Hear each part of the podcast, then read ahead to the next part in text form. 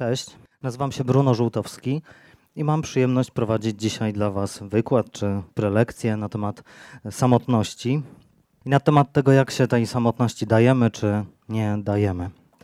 E, z wykształcenia jestem psychologiem. Przyjechałem do Was z katowickiego wydziału SWPS-u. I w zasadzie od kilkunastu lat pracuję jako, mm, jako trener, jako wykładowca, głównie zajmując się psychologią biznesu. Ale jak to bywa z psychologami, ponieważ e, na studia psychologiczne poszedłem dlatego, że bardzo chciałem pomagać innym ludziom, to prędzej czy później, tak to z tymi psychologami biznesu właśnie jest, że wracają do psychologii, mm, no takiej związanej z emocjami, jakimiś relacjami osobistymi, relacjami inter, interpersonalnymi.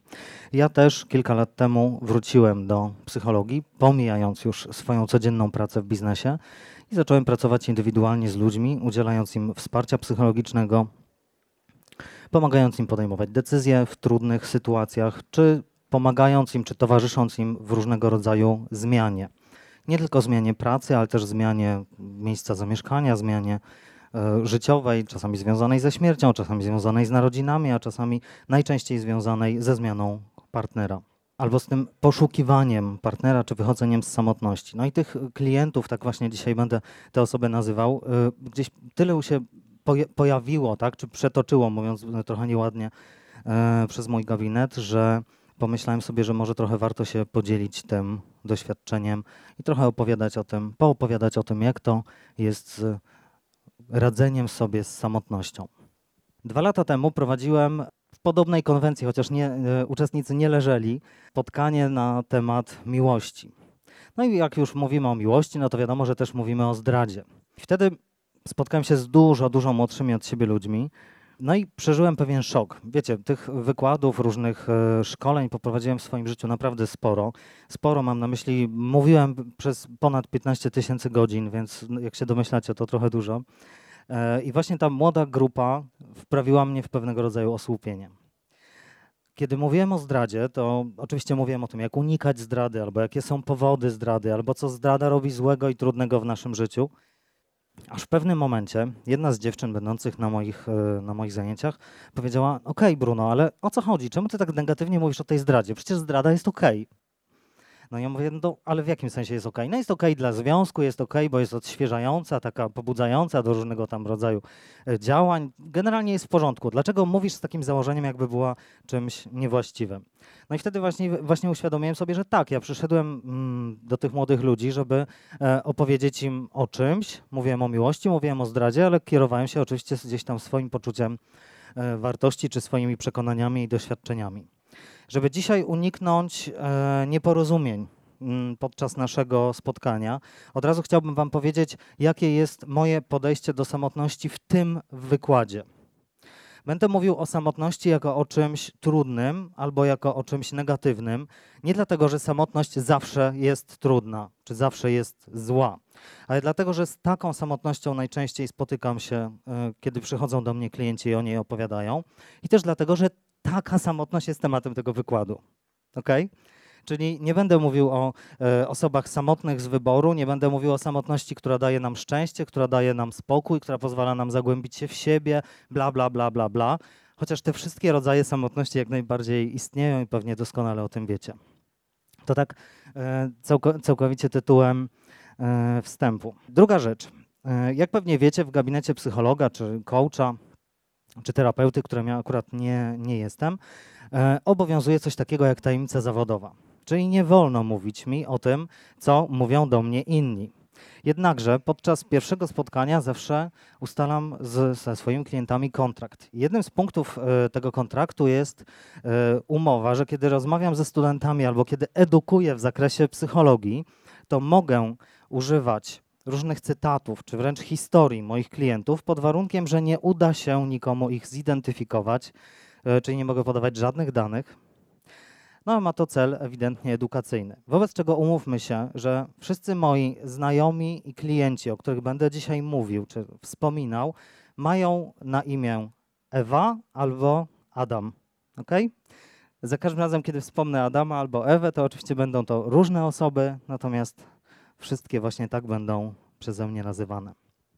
Pewnie niektórzy z Was widzieli w internecie taki filmik, w którym na ulicach jednego z e, europejskich miast stoi sobie człowiek przebrany za niedźwiadka, za takiego słodkiego misia. Przebrany, tak wiecie, jak czasami, e, w, nie wiem, w Disneylandzie można sobie e, bohaterów Disneya spotkać i na przykład przytulić się do nich. No i ten człowiek sobie stoi na ulicy. Kiedy przechodzą koło niego różni ludzie, to tak otwiera ramiona i zachęca do gestu przytulenia. No i jak myślicie, co robią ludzie? Przytulają się czy nie do misia? Kiwacie głowami. No pewnie, że tak. Przytulają się. Przytulają się chętnie, przytulają się starzy, młodzi, kobiety, mężczyźni, przytulają się po dwa razy. Przytulają się bardzo chętnie i uśmiechają się przy tym. Na końcu tego filmiku e, ten człowiek, jak już się dowiadujemy, mężczyzna, ściąga to przebranie, ściąga głowę niedźwiadka. No, pod tym niedźwiadkiem widzimy po prostu zwyczajnego, e, przeciętnego mężczyznę. I pojawia się taki napis, bo to kampania społeczna taki napis, który mówi, czy naprawdę musimy przestać być sobą, by móc chociaż na chwilę się przytulić. I to jest oczywiście taka kampania, która ma zachęcać do e, tworzenia bliższych relacji, no generalnie do, do bliskości między ludźmi, ale ten, to hasło, ten cytat, który pojawia się w tym filmie, chciałbym, aby był e, takim mottem pierwszej części naszego dzisiejszego spotkania. A pierwsza część będzie dotyczyła mm, randek internetowych, czy wręcz pewnego marketingu czy PR-u, jaki my e, wokół siebie czasami tworzymy po to, żeby móc e, poznać kogoś, żeby móc być atrakcyjnym, czy stworzyć jakieś takie wrażenie atrakcyjności na drugiej, drugiej osobie. W tytule dzisiejszego wykładu są nazwy dwóch aplikacji internetowych do poszukiwania E, partnerów, Tinder i Sympatia. Kiedy tak przygląda, przyglądam się waszym buziom, które tutaj e, patrzą na mnie, widzę, że e, w większości mamy bardzo młode osoby na wykładzie, ale ponieważ są też osoby w moim wieku, czyli już to takie bardziej e, dojrzałe pokolenie, e, które nie zawsze wie, czym jest Tinder, to pozwolę sobie na krótkie wprowadzenie. Takie bardzo króciutkie. Tinder to taka aplikacja internetowa, która służy mm, poznawaniu osób czy umawianiu się na randki z osobami, które są w jakiś sposób e, lokalizowane blisko nas, co oznacza, że musimy włączyć usługę lokalizacji. Tinder pozwala nam e, wybierać te osoby, czy wskazywać, które osoby są dla nas atrakcyjne, a które nie. I oczywiście wcześniej musimy sobie założyć profil, założyć jakieś, e, umieścić jakieś pewnie atrakcyjne własne zdjęcie, co najmniej jedno. Jak przeczytałem wczoraj taki poradnik właśnie, co zrobić, żeby być zdobywanym łatwiej, e, czy wzbudzić większe zainteresowanie na Tinderze, no to stanowczo są takie porady w internecie, że tych zdjęć musi być więcej niż jedno.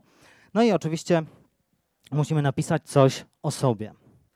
No i kiedy już pojawiamy się jako e, taki profil w internecie, to różne osoby, które poszukują osób w, tej, w naszej kategorii, czyli wiekowej, w naszej kategorii płci, mogą sobie spojrzeć na nasze zdjęcie i je, teraz nie wiem, poprawcie mnie, czy ja dobrze mówię, prze, przesłajpować. Tak? Jest ok. Ok, no dobrze. Czyli przesłajpować na lewo to znaczy co? Że źle, tak? Nie na lewo, czyli nie podoba mi się a na prawo, że, dobrze. Dobra, zaraz tutaj y, uczestnicy sprawdzą, tak, w którą to było stronę. No dobrze, w jedną stronę to znaczy B, nie podoba mi się, w drugą stronę znaczy OK, może, może być. No i teraz oczywiście, jeżeli ta druga osoba, którą właśnie wybraliśmy jako OK, również w taki sposób postąpi z nami, no to pojawia się tutaj nowe słowo, czyli maczujemy się, tak? Maczujemy się, czyli się jakoś tam dopasowujemy mamy szansę na przykład ze sobą porozmawiać na czacie, albo możemy się po prostu umówić ze sobą. No i to taka fajna aplikacja, e, która w Ameryce jest kojarzona głównie jako aplikacja do umawiania się na szybki seks. W Polsce jest to po prostu aplikacja najczęściej używana przez młodszą e, grupę użytkowników, która służy zapoznawaniu różnych osób, oczywiście też w celach e, seksualnych, ale również matrymonialnych, czy po prostu towarzyskich. E, druga z tych aplikacji to Sympatia, już bardziej taka klasyczna wersja e, portalu randkowego, którą możemy sobie gdzieś tam online e, wykorzystywać, no i też przeglądać według różnych kategorii osoby, którymi moglibyśmy być zainteresowani. To tak tyle tytułem wstępu, też nasz wykład jest wygrywany, nagrywany, więc nie możemy wiedzieć, kto będzie go słuchał, wobec czego ten wstęp był potrzebny. No i co teraz? Okazuje się, że najczęściej te aplikacje są używane przez osoby z trzech pokoleń. Z pokolenia X, z pokolenia Y i pokolenia Z. No i tutaj znowu e, chwila e, takiej dygresji, czymże to są te generacje. Ja jestem przedstawicielem pokolenia X, czyli takiego, które urodziło się w 70. bądź na początku lat 80. Takie pokolenie kiedyś nazywane Yapi takich, którzy tam sądzą, że praca jest najważniejsza, trzeba robić karierę, trzeba cały czas być bardzo zmotywowanym i starać się funkcjonować na najwyższych obrotach. No tak oczywiście w bardzo dużym uproszczeniu. Drugie pokolenie to pokolenie Y, tak zwani milenialsi, czyli e, moi nie, niedawni jeszcze studenci, osoby urodzone pod koniec lat 80., no i na początku lat e, 90. E, milenialsi, którzy już zupełnie inaczej na przykład podchodzą do e, kwestii aplikacji czy internetu, do, do kwestii używania e, smartfonów, tabletów, ponieważ o ile ja i moje pokolenie jesteśmy przedstawicielami takiego, mm, takiej, takiej generacji, która urodziła się w czasach analogowych i wiele rzeczy jeszcze robimy analogowo, czyli czasami, czyli na, na przykład ja dzisiaj robiąc pewien plan, biznesowy e, mojej firmy. Najpierw zrobiłem go za pomocą długopisu na kartce, a potem go wklepałem w Excela. Trochę mm, dziwne, prawda? Jak już wklepałem w Excela, to się zorientowałem, co za bezsensowna podwójna robota. E, o tyle milenialsi już tego, tego nie robią, po prostu używają w sposób spontaniczny i swobodny internetu czy różnych narzędzi, aplikacji, traktując je jako narzędzia codziennego użytku, mające realizować różne cele, mające takie zastosowanie użytkowe. No i mamy teraz pokolenie Z, które i też tak mi się wydaje, że przynajmniej e, część osób tutaj e, dzisiaj obecnych należy do tego pokolenia. I to takie pokolenie młodych ludzi, którzy kiedy e, urodzili się i zaczęli być już świadomi tego, że są, jak funkcjonuje świat, no to internet na tym świecie już był. Czyli nie znają po prostu tego sposobu funkcjonowania i życia z ery przed internetem. To są też osoby, które w naturalny sposób żyją jednocześnie online i offline. Mam na myśli na przykład sytuację, w której jedzą zupę i przeglądają sobie Facebooka albo rozmawiają na ważne tematy z kimś, kto siedzi obok, a jednocześnie sprawdzają, jakie są statusy ich e, przyjaciół czy jakieś tam nowe wiadomości na e, Snapchacie. No i teraz oczywiście domyślacie się, że jest pewna różnica międzypokoleniowa także w podejściu do aplikacji i poszukiwania partnerów mm, za pomocą aplikacji internetowych. Różnica pomiędzy tymi pokoleniami. I teraz najczęściej klienci, z którymi spotykam się, i to są ludzie właśnie z tego pokolenia X, czyli tego takiego bardziej dojrzałego, e, kiedy pytam ich, OK, no dobrze, zrobiłeś to, zrobiłeś tamto, poszukiwałeś partnera, partnerki, nie udało się, słuchaj, a czy wykorzystywałaś, wykorzystywałeś mm, internetowe e, narzędzia, mówią, że zwykle starają się to robić w ostateczności mówię oczywiście, słuchajcie, żeby była też jasność, ja podczas tego dzisiejszego naszego spotkania będę uogólniał, tak? Nie wszyscy, będę generalizował, no wiadomo jak to jest w psychologii, nie wszystkich to dotyczy. Ale taka no, faktycznie spora grupa z, tego, z tej generacji mówi, robię, robię to w ostateczności, albo nie, jeszcze poczekam. Dlaczego? Najczęściej na przykład mówią tak, nie chcę być jak towar na półce sklepowej. To jakie uczucia się pod tym kryją? O, pięknie, pojawia się tutaj e, upokorzenie, pewnie. E, czyli mają takie. Jeszcze raz? Aha, brawa dla 17 łóżka. Tak, poproszę o brawa dla 17 łóżka. tak. E, oczywiście, może, to się, może im się to kojarzyć z jakimś, jakiegoś rodzaju upokorzeniem, czy mm, z też, jak podejrzewam, byciem wystawionym na tak zwaną ekspozycję, czyli z lękiem przed oceną no to jak to? Ja napiszę wszystko o sobie, wystawię swoje zdjęcie i teraz będę e, czekać, aż ktoś mnie zaprosi, czy nie. E, a co jeżeli ktoś napisze mi coś głupiego? E, faktycznie ten lęk jest większy u osób e, dojrzalszych. E, u osób młodszych on nie pojawia się, w ogóle nie pojawiają się takie wątpliwości, a już na pewno nie, nie tak często jak u osób z pokolenia mm, X. Natomiast e, pokolenie milenialsów, pokolenie Y, to jest to pokolenie, które jak pamiętam 10 lat temu, na przykład moi e, uczniowie, jak pracowałem z gimnazjalistami, mówili tak, no mam taką dziewczynę, wie pan, panie Bruno, chodzę z nią na gadu-gadu. Kojarzycie te klimaty? Pamiętacie jeszcze gadu-gadu? No tak, więc jakby w naturalny sposób, jeżeli chodziłeś i chodziłaś z kimś na gadu-gadu, czy przez gadu-gadu, 10 lat temu, no to teraz używasz e, Tindera, tak, żeby poszukać innego partnera, ponieważ generalnie aplikacje internetowe są jakąś częścią, jakimś elementem twojej, e, twojej codzienności i jest to bardziej e, naturalne. Natomiast osoby z pokolenia Z, te najmłodsze, i tutaj chciałbym się chwilkę nad nimi zatrzymać, to jest oczywiście pokolenie, które jest bardzo interesujące, ale my jeszcze niewiele o nich wiemy. Z jednej strony niektórzy, niektórzy badacze, niektórzy socjolodzy twierdzą, że oni nawet sobie lepiej radzą niż milenialsi, że są bardziej stadni, że są bardziej społeczni, że są bardziej zaangażowani w różne e, działania społeczne niż milenialsi, niż ci właśnie te Y, którzy są e, bardziej skupieni na, na sobie niż na grupie. Z drugiej strony, kiedy czytam o współczesnych nastolatkach czy o dzieciach i o ich podejściu też do e, nowoczesnych mediów, czy do internetu, to bardzo często spotykam się z takimi e, opiniami czy z takimi badaniami, że i tutaj na przykład e, młodzież jest bardzo samotna, ponieważ jest w kontakcie e, ze swoimi przyjaciółmi, ale jedynie wirtualnym kontakcie. Albo na przykład, że młodzież spędza przerwy w szkole zamiast na bieganiu, to na gapieniu się w smartfona czy tablet. Że sporo właśnie młodych osób jest e, jedynakami w odróżnieniu do poprzednich pokoleń, gdzie tych jedynaków było e, nieco mniej, co powoduje, że na przykład nie mają okazji, żeby nauczyć się czy doświadczyć tego, jak to jest być w bliskości z kimś, z kim dzieli się pokój, tak? czy z kim dzieli się komputer, czy mamę i tatę na przykład. Ale też z takim badaniem spotkałem się dotyczącym dzieciaków, E, i ich znajomości zapachu potu innych dzieci Szkoda, że ludzie, którzy słuchają e, tego wykładu przez internet, nie będą mogli zobaczyć waszych min teraz.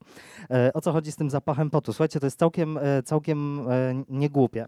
Otóż okazuje się, że młodzież zamiast biegać po korytarzach szkolnych i, wiecie, szarpać koleżanki za warkoczyki, czy przepychać się tak gdzieś tam na przerwach i szaleć, czyli być cały czas w tym kontakcie fizycznym, faktycznie w dużej mierze jest w kontakcie z różnego rodzaju urządzeniami elektronicznymi, przez co nie, jakby nie zna tak dobrze bliskości tej fizycznej i cielesnej z innymi ludźmi, jak to naturalnie zwykle się do tej pory działo. No i jeszcze jeden argument przywołany w tamtych mm, badaniach i w tym e, artykule dotyczył tego, że e, coraz więcej dzieci po prostu nie e, bierze udziału w zajęciach WF-u, tak? Co, na których, jak wiecie, również możemy zobaczyć, jak pachną inni. Szczególnie kiedy się, kiedy się zmęczą i spocą. No dobrze, ale to co po cenie się, czy patrzenie w smartfona ma do y, tematu samotności? Otóż, jak się okazuje, całkiem sporo, ponieważ dotyczy naszej bliskości i budowania relacji z innymi ludźmi, relacji opartych na bliskości. Chciałbym jeszcze na chwilę wrócić do y, Tindera który oczywiście jest e, tematem naszego dzisiejszego tutaj e, spotkania, czy raczej taką zajawką do tematu samotności. I chciałbym, abyście przypomnieli sobie swoje profile na Tinderze, bo podejrzewam, że część z Was je ma. Już nie będę Was pytać, kto zna Tindera, no bo pewnie, pewnie znacie. E, chciałbym, abyście przypomnieli sobie, a ci z Was, którzy nie mają profilu, abyście wymyślili sobie to jedno zdanie na swój temat, które chcielibyście, czy moglibyście napisać, jako tą taką waszą wizytówkę w aplikacji Tinder. I teraz ja przez chwilę będę milczał, żeby was nie, e, nie, roz, nie rozpraszać. I naprawdę proszę, podejdźcie do tego ćwiczenia e, serio, pomyślcie, co napisałabyś i co napisałbyś o sobie, co miałoby być dla kogoś pociągające czy interesujące i miałoby się łączyć, zawierać w jednym zdaniu. Mhm. No okej. Okay. Czy są tutaj osoby, które mogłyby podzielić się tymi swoimi pomysłami. Co powiedziałabyś, co powiedziałbyś o sobie? Ha? No dobrze. Nie, nie patrzycie na mnie, chociaż. Hmm? Zawstydzające. Dobrze, to zostawiamy to w tajemnicy. Ale zobaczcie, mm, to ja teraz będę trochę zgadywał, dobrze? Bo w różnych, e, w różnych już konwencjach zdarzało mi się ten e, wykład prowadzić i słyszałem parę pomysłów na ten temat. Te zdania, które, e, które ludzie piszą o sobie, zwykle tak bardzo trudno wyważyć pomiędzy napisaniem czegoś, co nie będzie banałem, nie? takim po prostu banałem, pomiędzy napisaniem czegoś, co będzie interesujące i pociągające, ale z kolei nie będzie dziwne, no bo przecież chodzi nam o to, żeby jak największa potencjalna liczba kandydatów bądź kandydatek zainteresowała się nami i przesunęła nasze zdjęcie w odpowiednią stronę, tak? Żeby ewentualnie się zmaczować i dopiero potem e, móc powymieniać jakąś większą ilością informacji. No ale teraz, żeby to było na tyle nietypowe, żeby odróżniło nas od innych, ale też na tyle mało nietypowe, żeby nie wyszło na dziwaczne. Czyli tak naprawdę bardzo trudno jest zareklamować siebie, y, mogąc używać jednego tak naprawdę profilowego zdjęcia i jednego zdania, czy nawet jednego akapitu. I teraz, tak jak Wam powiedziałem wcześniej, na Tinderze możemy umieszczać wiele różnych zdjęć, ale w rzeczywistości, jeżeli to profilowe jest nieatrakcyjne dla potencjalnego zainteresowanego, to on po prostu, czy ona nie zacznie ich przeglądać dalej. Tak? Czyli szybciutko ktoś przerzuci nas i przesunie na tą nieodpowiednią stronę. I teraz chciałbym się odnieść tutaj, a propos właśnie zdjęcia i w ogóle tego, mm, w jaki sposób aplikacje internetowe trafiają, budzą nasze zainteresowanie, w jaki sposób trafiają do nas i porównać to do innych, bardziej codziennych, nie wiem, naturalnych, spontanicznych czy nieoczekiwanych i niespodziewanych sytuacji, w których ktoś może nam się spodobać albo my komuś. Otóż, jak wiecie, zanim mm, powstał internet, czy zanim powstały aplikacje dotyczące, mm, pomagające nam poznać nowych e, ludzi, a nawet po tym, jak powstały, no to mam też e, takie poczucie, że ludzie nadal to robią, że poznajemy się też w zupełnie inny, właśnie bardziej naturalny czy spontaniczny sposób. I teraz popatrzcie, być może nawet tutaj, dzisiaj, albo wczoraj, albo jutro ktoś z Was kogoś zauważy, pozna. I teraz chciałbym, abyście popatrzyli na budowanie związków mm, partnerskich, na miłość, na relacje poprzez pryzmat dwóch rzeczy po pierwsze instynktów, no bo jednak zwykle w tym chodzi o instynkty, pojawiają się różne popędy, tak? Pojawiają się różne silne emocje, oprócz miłości pojawia się, nie wiem, pożądanie, pojawia się zazdrość. Yy, I abyście pomyśleli o tym w kontekście tego, ile różnych mm, zmysłów jest uruchamiane, kiedy ktoś budzi nasze zainteresowanie. Ktoś, kto właśnie teraz jest obok jak my reagujemy, kiedy ktoś w odpowiedni sposób się poruszy, kiedy zrobi jakąś minę, kiedy się zaśmieje, albo kiedy na przykład odpowie coś, nie wiem, zabawnego, nieoczekiwanego, inteligentnego, e, jakąś szybką ripostę, jakie to budzi w nas emocje, że czasami tak naprawdę chodzi o czyjś gest, o e, ruchy właśnie czyjegoś ciała, o to, jak e, ktoś spogląda na nas, czy jak się, no nie wiem, zawstydza, tak? Ba, to ba, bardzo, bardzo różne zachowania, budzą w nas właśnie te emocje, od których zaczyna się pożądanie, od których zaczyna się e, zainteresowanie i od których później może zacząć się zakochanie czy miłość. I czasem chodzi o, e, o zachowanie, czasami chodzi o tembr głosu, czyli tutaj ten zmysł mm, słuchu jest taki istotny. Czasami chodzi o czyjś e, zapach, a czasami chodzi o to, w jaki sposób ktoś nas dotknął. Nawet bardzo e, delikatnie, czy w jakąś taką, e, no nie wiem, w ramię, w łokieć, w jaki sposób ktoś wobec nas przyjął postawę. Mm, te wszystkie czasami drobne rzeczy, niuanse, drobne gesty powodują nasze zainteresowanie kimś. I to są rzeczy, których nam na początku aplikacja nie daje. Mówię na początku, no bo z drugiej strony, jeżeli znajdziemy e, kogoś, dla kogo my będziemy interesujący i kto dla nas jest interesujący, no to oczywiście aplikacja zwiększa naszą, nasze prawdopodobieństwo umówienia się na randkę, spotkania się i tak, yy, i tak dalej. Jednak zmniejsza to prawdopodobieństwo znalezienia i, czy pokochania osób, które mogłyby nas ująć swoim zachowaniem, swoim tonem, swoim, swoją postawą życiową, swoimi decyzjami, czy nawet swoim zapachem, ale nie ujęły nas swoim zdjęciem profilowym. Aplikacja powoduje, że odrzucamy te osoby. Po prostu ich nie ma. Aplikacja powoduje, że nas odrzucają ci, którym nasze zdjęcie profilowe no, gdzieś nie podniosło ciśnienia, tak? czy nie, mm, nie poruszyło serca. Czyli poznawanie e, osób przez aplikację zwiększa prawdopodobieństwo poznania osób, których nigdy byśmy nie spotkali. bo nigdy nasze drogi się nie, nie, nie zeszły, ale z drugiej strony to poznanie jest innego typu. Nie pojawiają się w nim takie atawizmy, atawizmy, te pierwotne instynkty. Chciałbym Wam jeszcze e, tutaj powiedzieć o jednej, e, o jednej rzeczy odnośnie tego właśnie pierwszego etapu zapoznania się. Mianowicie ci z Was, którzy nie znają, bardzo chętnie e, i bardzo serdecznie polecam Wam książkę Bogdana Wojciszkę, profesora z WPS-u. To jest chyba jedyna w Polsce taka po, porządna, dobrze napisana książka o miłości i nazywa się Psychologia Miłości. Łatwo zapamiętać. I profesor Wojciszkę pisze tam o pewnej niezwykle ważnej rzeczy dotyczącej zakochania i dotyczącej tego pierwszego etapu, e, tego etapu pomiędzy zakochaniem się a zauroczeniem, który na pewno każdy z Was doskonale zna. Otóż e, Wojciszka twierdzi, że w zakochaniu jest ważna jedna niezwykle istotna e, emocja, mianowicie niepewność. Przypomnijcie sobie tę sytuację, kiedy pojawia się w waszym otoczeniu ktoś, czy, czy może już dawno w nim był, ale dopiero teraz czujecie coś do tej osoby, e, pojawia się jakaś osoba, co do której zaczynacie od, e, odczuwać jakieś głębsze emocje. Zakochujecie się, czy jesteście coraz bardziej zaangażowani. No i naturalnym jest, że pojawia się w was pytanie, co ta osoba w związku z tym powiedziałaby, czy zrobiłaby bądź też co powie, czy co zrobi. Mówiąc wprost, czy on, ona jest mną też zainteresowany, czy nie. A nawet jeżeli nie, to czy w ogóle nie, czy jeszcze nie. Czy jest jakakolwiek szansa? Pojawia się niepewność. I niektórzy z Was dławią to w sobie nie mogą spać, rozmyślają, tak? Boli was brzuch, a z drugiej strony macie te motyle w brzuchu, czyli te wszystkie różne dziwne rzeczy się dzieją.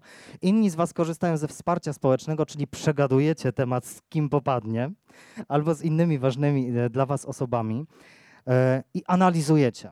Tak? Im jesteśmy młodsi też, e, tym bardziej angażujemy się w tą analizę właśnie każdej miny, mrugnięcia powieki, spojrzenia i tego, czy to, czy to coś oznacza, czy nie. E, ale bez względu na nasz wiek i ilość e, poprzednich związków, e, za każdym razem przy zakochaniu pojawia się ta niepewność. Czy ja się jej, jemu podobam, czy nie. I to jest zanim pojawi się jakaś deklaracja, ta deklaracja na tak, ale potem, nawet jeżeli ona się jakoś wstępnie pojawia, czyli pojawia się jakaś, no nie wiem, pierwsza randka, albo pierwszy pocałunek, albo jakieś pierwsze wyznania, to ta niepewność nie znika. Ona jeszcze długo nie znika. Dlatego, że przechodzimy przez cały ten okres zakochania w taki sposób, że bardzo boimy się utraty tej bardzo bliskiej, ważnej dla nas osoby. I niepewność cały czas temu towarzyszy. Ale największa i w pewnym sensie najbardziej przyjemna i ekscytująca jest niepewność, czy w ogóle coś się wydarzy. I czy w ogóle ta osoba, na przykład jeżeli chodzi o obcą osobę, ma kogoś, szuka kogoś i czy to mogę być ja. I teraz w przypadku, wróćmy znowu do Tindera, ta niepewność, ta najbardziej ekscytująca jej pierwsza część e, jest zminimalizowana. Bo oczywiście ja mogę odczuwać niepewność, czy ta atrakcyjna kobieta na Tinderze, którą już tam obserwowałem, też kliknie na tak, prawda?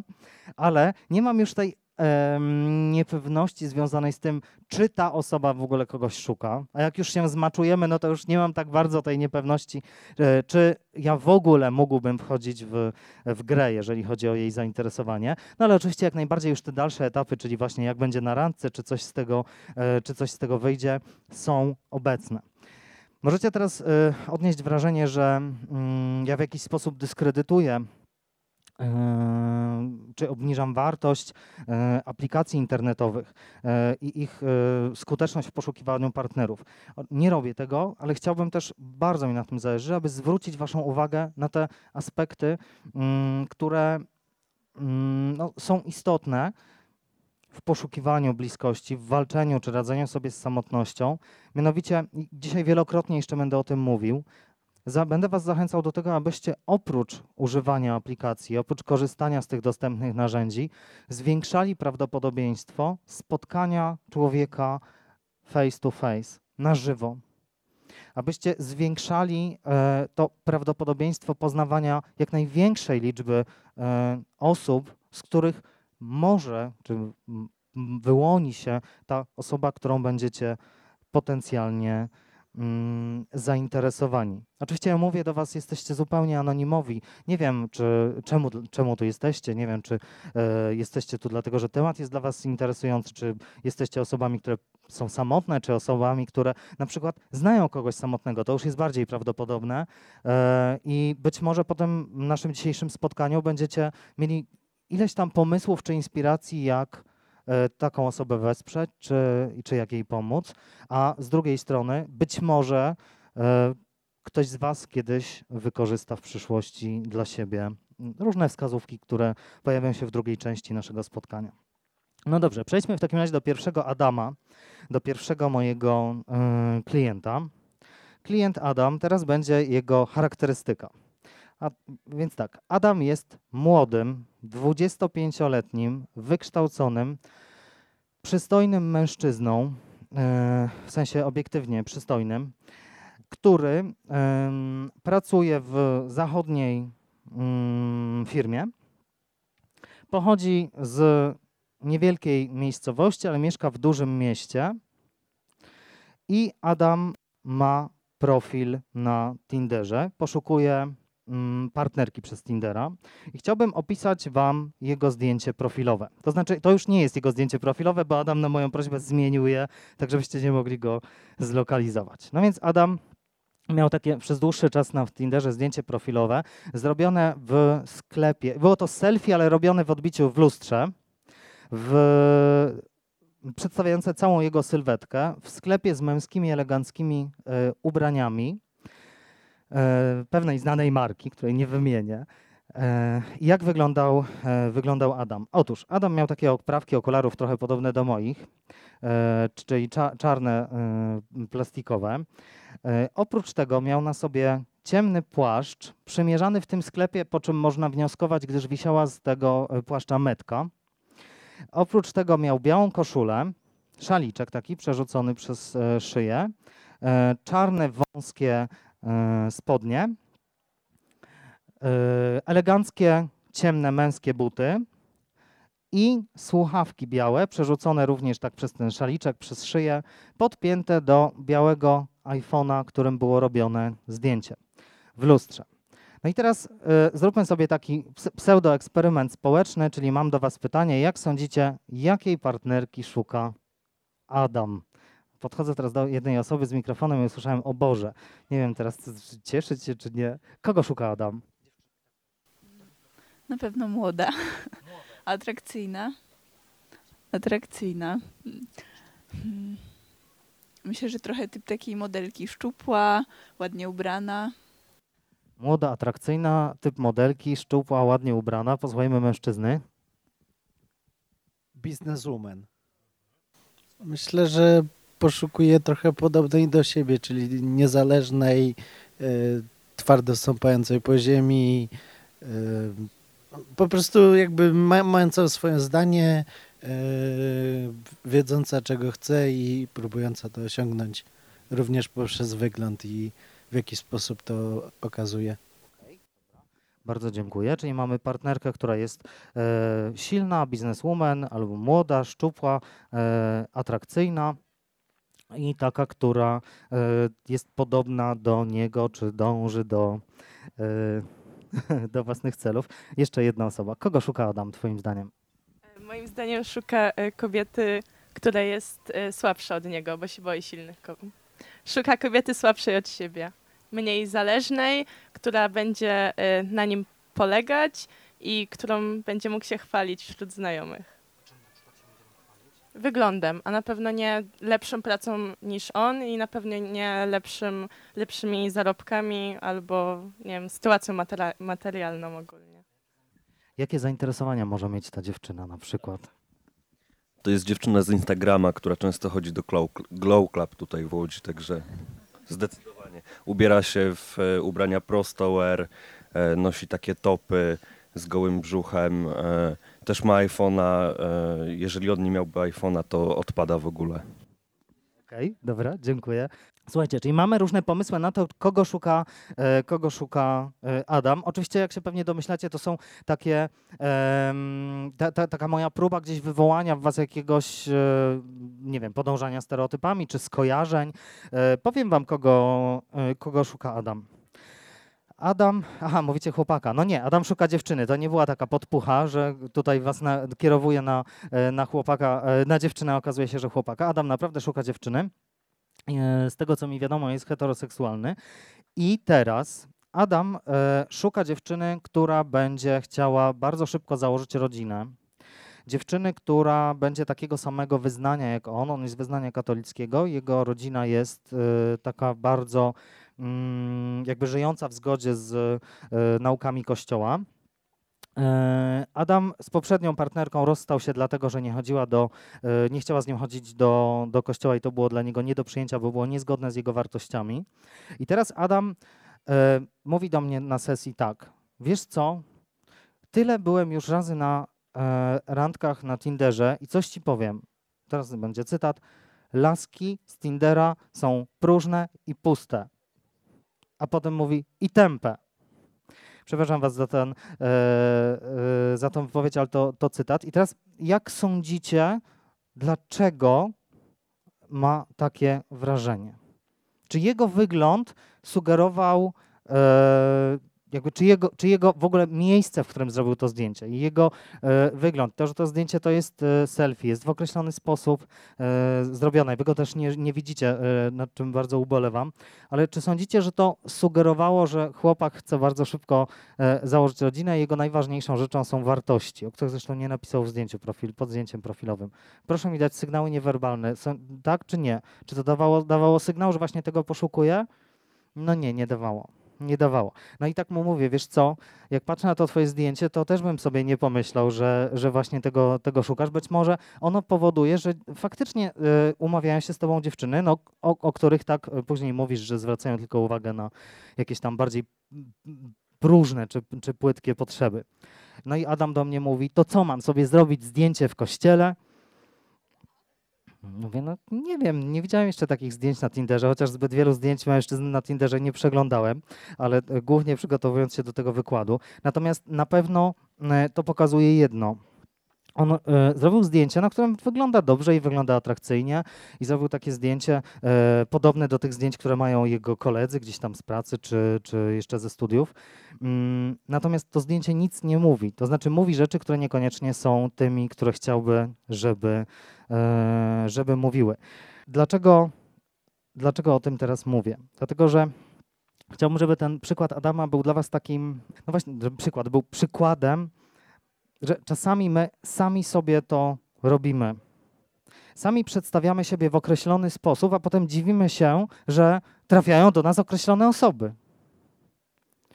Że y, jakby poszukujemy kogoś zupełnie innego, a jesteśmy inaczej odczytywani. Ale to też jest dobra informacja, która pokazuje, że zmiana, jeżeli kogoś poszukujemy, a nie możemy go teraz znaleźć, zmiana tak naprawdę zależy od nas. Ale żeby to się wydarzyło, to też potrzebujemy dowiedzieć się od innych, jak jesteśmy postrzegani. Ale też głośno i jasno informować, czego szukamy.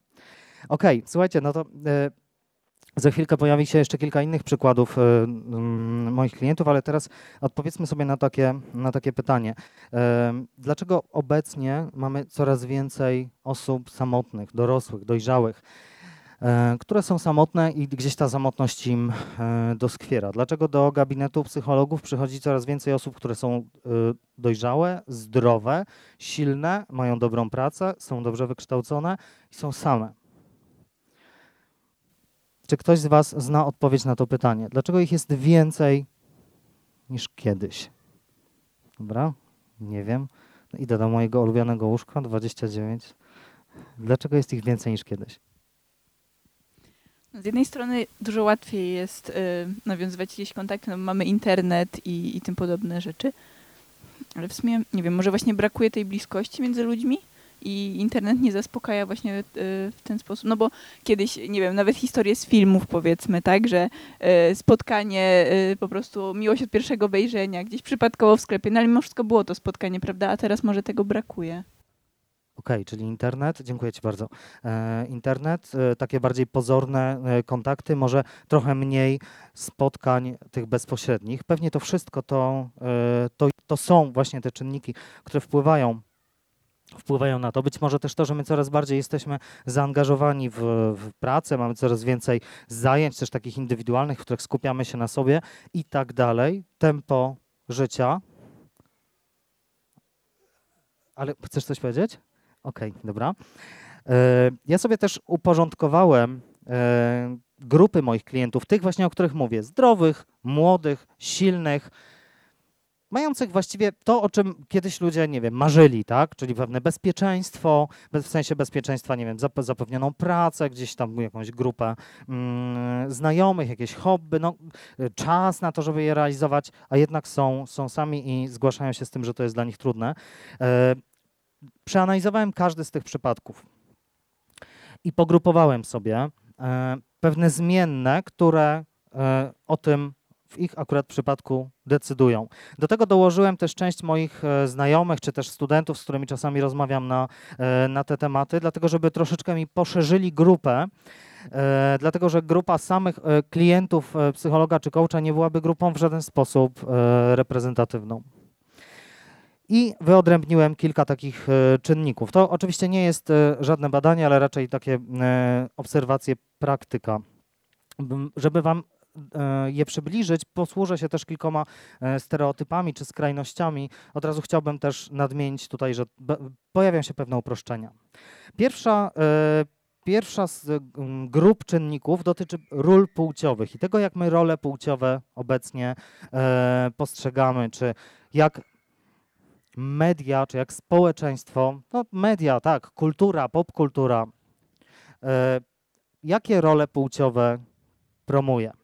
Otóż zauważyłem na przykład w przypadku mężczyzn, którzy trafiają do mnie, tych mężczyzn głównie z pokolenia X i Y, czyli urodzonych powiedzmy od roku tam 70 do 92, że oni e, charakteryzują się dwiema skrajnymi rolami płciowymi, które przyjmują. Rola numer jeden, jestem fajnym chłopcem. Jestem chłopcem, który nie przestaje być chłopcem.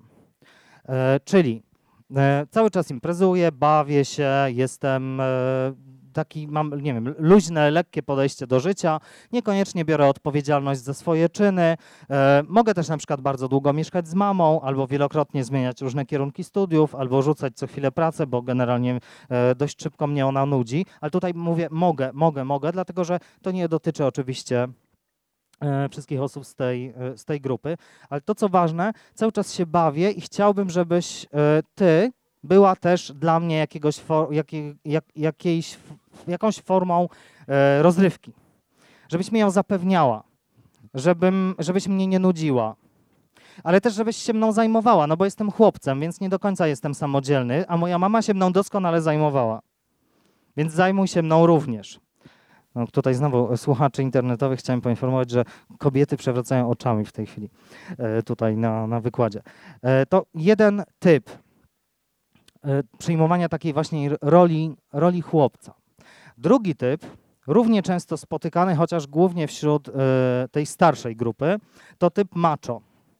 Wiecie, jestem silny, jestem twardy, generalnie nie zdarza mi się płakać, e, nic e, specjalnie mnie nie wzrusza, wiem jakie są moje cele, wiem, że powinienem dbać o rodzinę, powinienem pracować, tym się mam głównie zajmować, a nie tym, że ty mi mówisz, że mam ci mówić, że cię kocham, przecież ci już kiedyś powiedziałem, e, więc co się czepiasz i przestań ględzić. Typ macho, ale ten macho taki twardziel, tak? Nie macho na zasadzie niech kobiety mi wybaczą i zmieniam je jak rękawiczki, wcale niekoniecznie. Również typ właśnie tego takiego bardzo twardego, niewzruszonego niczym mężczyzny. Jeszcze raz przypominam, że tutaj upraszczam, ok? Pamiętajcie o tym. Ale to są te takie dwie najczęstsze role, w które wchodzą mężczyźni, którzy się u mnie e, pojawiają. No ale teraz posłuchajmy, co robią kobiety. No właśnie, pewnie domyślacie się, że też pojawią się dwie role i też będą e, skrajne. Jedna, jestem dziewczynką. Jestem dziewczynką i nią chcę być, nie zamierzam z tego wyrastać. Zajmuj się mną. Niezbyt wiele wiem, ale ty wiesz na pewno, więc mi powiedz. E, zrób za mnie, Nie wiem, jak się tankuje mój samochód. Tak, oczywiście przepraszam wszystkie moje klientki, że teraz cytując to śmieję się, ale widzę po prostu wasze buzie roześmiane i to mnie, e, i to mnie bawi. Chociaż moje klientki też już w pewnym momencie zaczynają się z tego śmiać i uczą się, jak tankuje się swój samochód.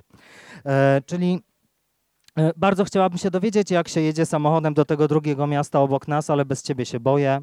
A najlepiej, jeżeli ty pojedziesz.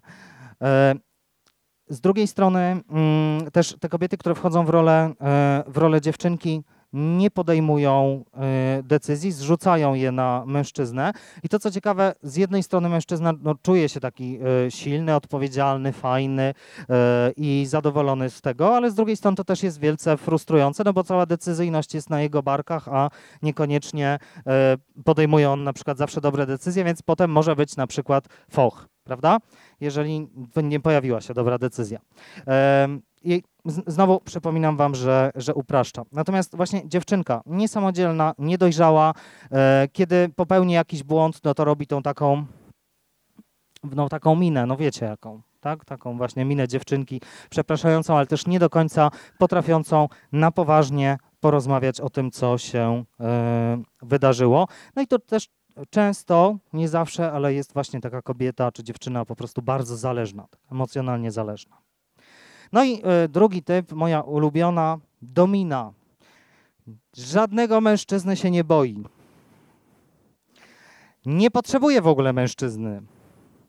Po co jej mężczyzna? Właściwie no, może by się przydał na jakichś imprezach, albo żeby, no, nie wiem, wymienić to koło w samochodzie. I teraz pewnie już sobie wyobrażam wszystkich moich znajomych psychologów, którzy jak wysłuchają tego wykładu w internecie, to powiedzą, Bruno, ale pojechałeś stereotypem, strasznie. E, Także powieszą na mnie psy, ale z drugiej strony, mm, no słuchajcie, trochę, trochę właśnie ten, ten typ e, kobiet, klientek w pewnym momencie mm, trafia e, do mnie. Ja, jak na pewno sobie zdajecie sprawę z tego, przerysowuję tutaj e, te postacie i te zachowania po to, żebyście wyraźniej, łatwiej je zapamiętali. Typ kobiety, która jest przekonana, że jej samotność jej nie doskwiera, zwykle przychodzi z innym problemem. Ale po paru sesjach okazuje się, że to jednak to jest problemem tej frustracji, czy e, jakichś tam problemów, nie wiem, zdrowotnych, czy problemów w pracy, czy e, to jest e, źródłem na przykład nadmiernej agresji, jaką przeżywa, bla, bla, bla, bla. E, może być jeszcze, dom, e, oprócz dominy mamy jeszcze taką odmianę królowa lodu. E, nic mnie nie wzrusza, tak? Musiałbyś się bardzo postarać, żeby mnie e, roztopić, żeby roztopić moje serce. No i teraz ona czeka. I ta królowa lodu czeka, aż przyjdzie właśnie ten książę, który ją tutaj tak tym swoim ciepłem i swoim zaangażowaniem ogrzeje, aż ten lód stopnieje i ona będzie mogła w pełni oddać mu całe swoje serce. Problem jest tylko taki, że królowa lodu e, może e, się nie doczekać z tego powodu, że wokół jest sporo chłopców albo macho. I tak krążą, krążą i w ogóle w żaden sposób, żaden z nich nie, nie ma na tyle e, samozaparcia i chęci, żeby ten lód e, roztapiać.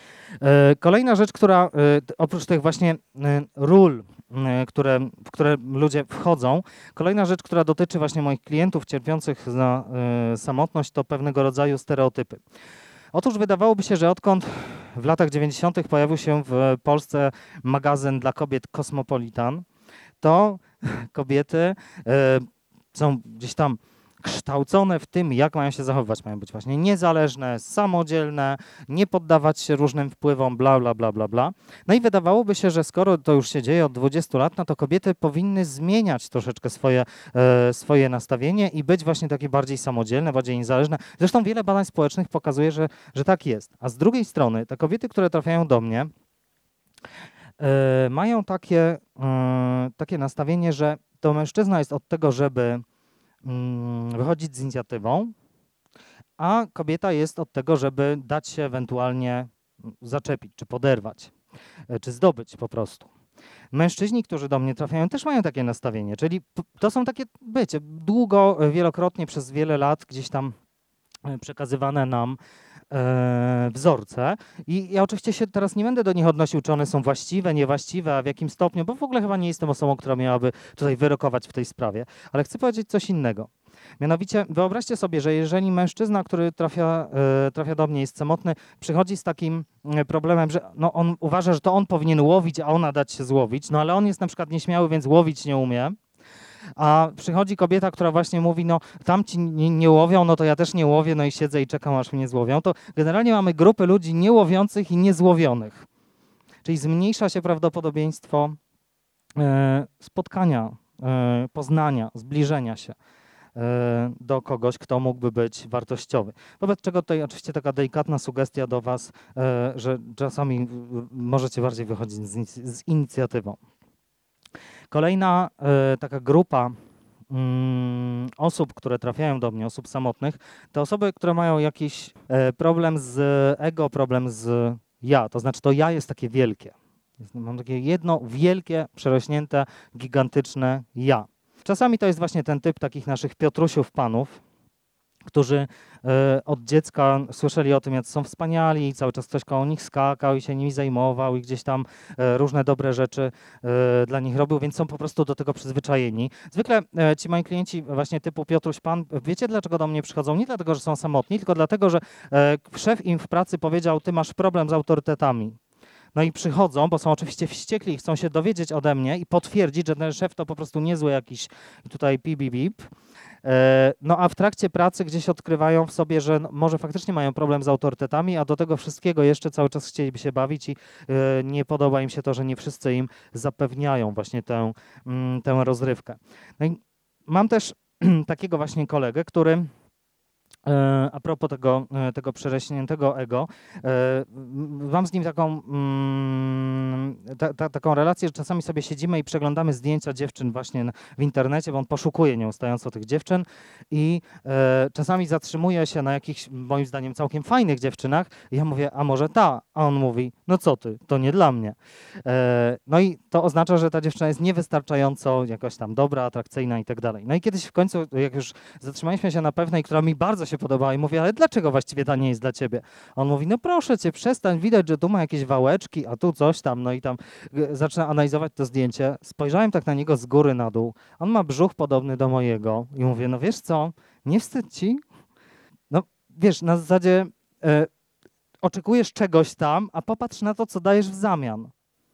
I do tego jeszcze będę, e, będę wracał, ale to znowu, i on znowu cierpi na to, że mm, te dziewczyny, które spotyka, no to nie takie, nie takie, nie takie, ale zawsze też warto zastanowić się nad tym, czego tak naprawdę szukam w tej kobiecie, czy jej wygląd tylko jest w stanie to zapewnić, a przede wszystkim, mm, co ja mogę ofiarować w zamian. I tu nie, nie odnoszę się oczywiście tylko do wielkości e, brzucha.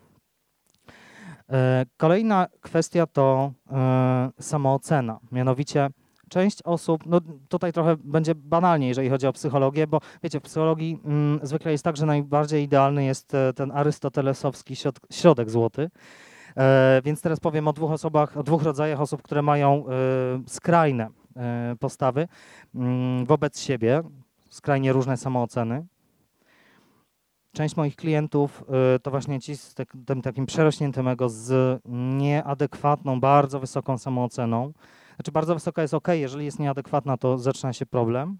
Zresztą lubicie być w towarzystwie osób, które są, y, mają nieadekwatną samoocenę, za wysoką? No pokażcie.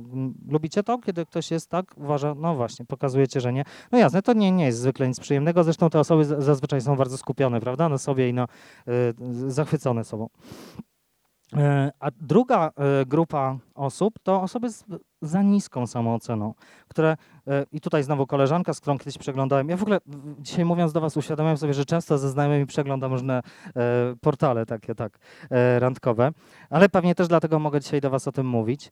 Mm, Druga, druga grupa, no to właśnie ci, którzy mówią, ja mówię, o zobacz, zobacz, jaki fajny facet, a ona mówi, nie no co ty, nie zasługuję na niego, nawet by na mnie nie spojrzał.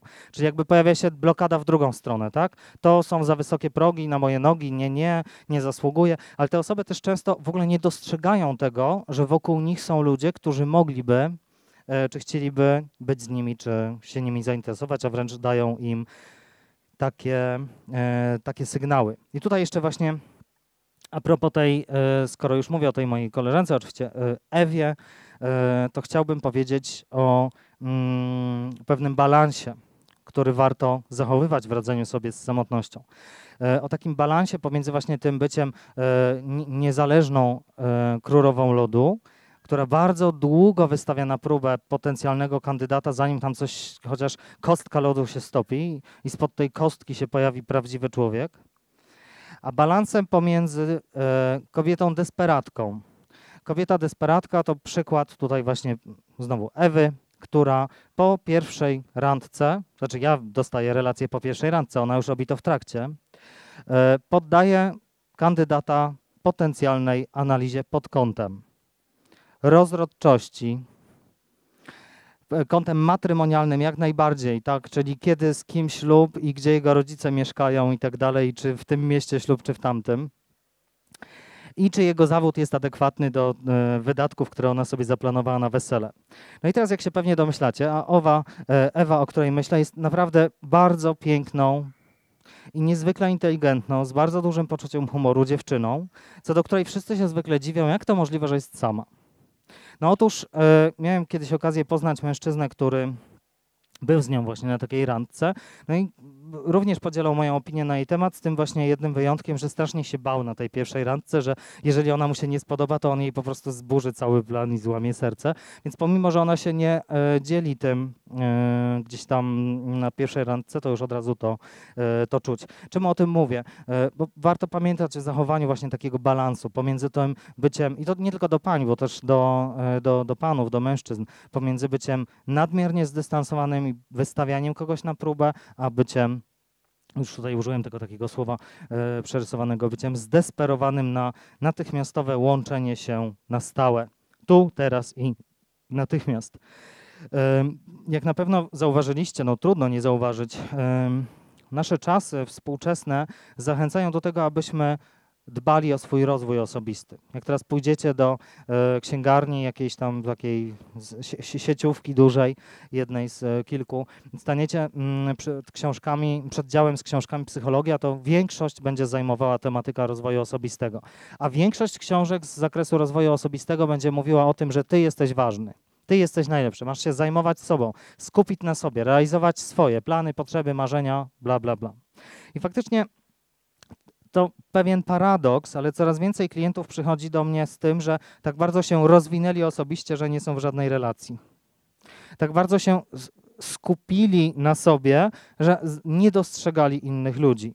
E, wiem, że to, co teraz mówię, jest takim trochę strzelaniem sobie w stopę, no bo przecież to psycholodzy się zajmują rozwojem osobistym i to psycholodzy na nim zarabiają, ale e, chciałbym powiedzieć o tym w trochę innym kontekście. Pojawia się takie zagrożenie, że klienci, którzy rozstają się ze swoimi partnerami, znaczy klienci, mówię moi klienci, mm, osoby, które rozstają się ze swoimi partnerami e, po długoletnich związkach, e, często mają takie mm, takie poczucie, że teraz muszą skupić się na sobie, że nie wchodzą w drugi związek od razu, tylko teraz będą realizowali swoje e, wcześniejsze marzenia, niezrealizowane plany. E, wiecie, na zasadzie nauczę się angielskiego, pojadę na jakąś tam podróż, nie wiem, schudnę, zacznę uprawiać jakiś sport, zacznę realizować swoje hobby i tak dalej, czy zadbam o swoją edukację, a najlepiej wszystko razem. No i to jest fajne, bo to z jednej strony pozwala e, na zdobycie wielu pozytywnych bodźców, e, po drugie, no generalnie pozwala nam się rozwinąć jako ludziom, intelektualnie, emocjonalnie, super. Ale też pozwala odwrócić uwagę od samotności czy od rozstania. I pod tym kątem jest świetne. Jednakże przychodzi właśnie taki moment, kiedy ci ludzie już wszystko to robią, są y, gdzieś, nie wiem, rozpędzeni w tej całej machinie, a potem rozglądają się wokół siebie i okazuje się, że są, że są sami, że nie jest im w tym wygodniej. I to właśnie najczęściej trafiają do mnie i mówią, i tutaj to są częściej kobiety, przynajmniej z mojego doświadczenia, y, bo mężczyźni raczej idą, wiecie, w picie i takie tam rzeczy, jak są y, z, zranieni, przynajmniej na początku, ewentualnie w siłownię czy, czy, czy bieganie, albo w pracę, ale kobiety właśnie bardziej w taki rozwój osobisty i przychodzą i mówią, no wiesz wiesz co, teraz to już nie rozumiem, schudłam, wyglądam lepiej, yy, mam bardzo dobry nastrój, jestem bardzo zadowolona z siebie i nikogo wokół siebie nie mam. I wydaje mi się, że teraz to oni już na mnie nie zasługują. Że jest po prostu trudno y, tym osobom, już wiecie, tak jakby tak rośnie ta samoocena, że, y, że trudniej jest kogoś y, znaleźć. To taki paradoks, taki paradoks właśnie rozwoju osobistego porozstania. Dlatego zachęcam Was do tego, abyście byli na to na to uważni. I kolejna rzecz, którą e, zaobserwowałem, która łączy moich klientów e, z tym szeroko pojętym tematem samotności, to oczekiwania. I tutaj wybaczcie mi, ale tu już bardzo odniosę się do stereotypu. Oczekiwania wobec partnera. Kiedyś e, z racji tego, że, e, że e, pracuję jako psycholog w takim bardzo sfeminizowanym środowisku, to mnóstwo czasu spędzam z kobietami. Znam bardzo dużo kobiet, wydaje mi się, że całkiem dobrze też je, je znam i rozumiem. I nawet mam czasami takie poczucie, że jestem takim feministą, w sensie takim, że jak jakaś grupa mężczyzn obraża kobiety jakoś bardzo uogólniając, mm, czy wypowiadając się negatywnie na temat uogólnionych cech kobiet, no to zwykle stoję gdzieś tam w ich obronie. Ale e, powiem teraz o czymś, co jest zupełnie przeciwne. Mianowicie, e, gdy na przykład moi koledzy czy moi klienci mówili, a bo tak, bo teraz wiesz, jak idziesz na, do klubu, gdzieś tam na randkę czy coś, to musisz zawsze pamiętać o tym, żeby dobrze się ubrać, żeby mieć dobry, do, dobry te, kiedyś dobry telefon, teraz jakiś tam, nie wiem, dobry zegarek czy coś takiego e, i żeby ten portfel jakoś był wypakowany, albo dobrze wyglądał, albo dobra karta kredytowa, bo kobiety i tak lecą tylko na kasę. I we mnie zawsze po prostu wzbierała wściekłość. Jak można tak mówić? Jakie to jest głupie, płytkie, nieprawdziwe, bla, bla, bla. No i wyobraźcie sobie, że tak się działo, dopóki nie zacząłem bardzo dużo pracować z kobietami, które są samotne.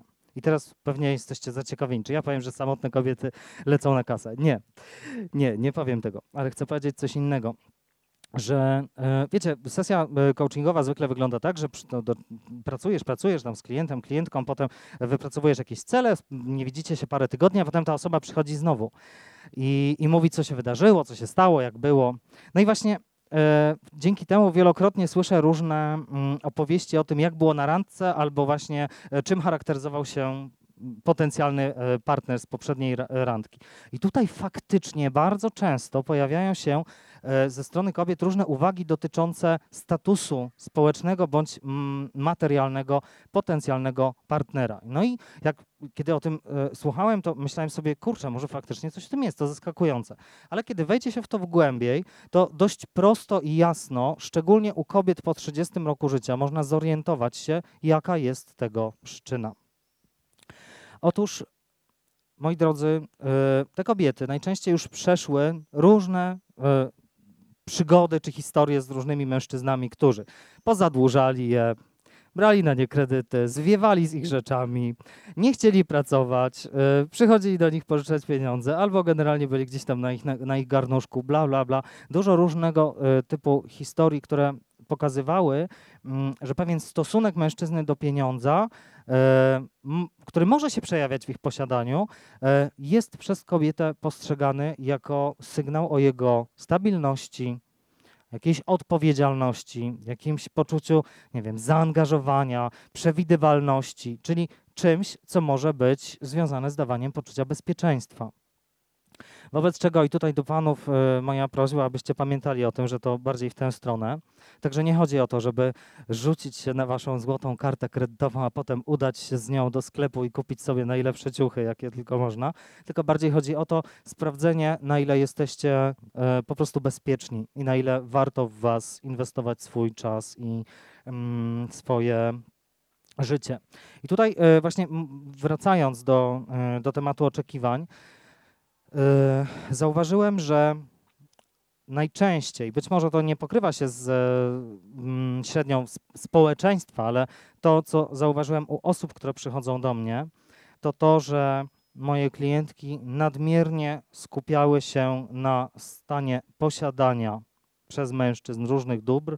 Tu nawet na mojej ściądze narysowałem sobie dom i samochodzik, co oznacza, że przegapiały w tej pierwszej fazie poznania prawdopodobnie mężczyzn, którzy nie mieli tak dobrego statusu materialnego, ale mogliby być kochającymi i dobrymi partnerami. Czyli osoby samotne, w tym wypadku kobiety, e, zbyt stereotypowały czy przekładały stan posiadania mężczyzn na ich, mm, no, na ich, nie wiem, osobowość czy doświadczenie. I druga rzecz, e, u panów tym razem, szpilka w stronę panów, nadmierne kierowanie się tym, e, to też zaskakujące, ale faktycznie tak jest, jakie kobieta ma ciało i czy gotuje. To jest w ogóle hit. Jest coraz więcej restauracji w Polsce, a gotowanie nadal jest ważne. Czy gotujesz? Nie jak gotujesz, to jest też ciekawe, nie jak gotujesz. Czy gotujesz? Czy masz gotowość do gotowania?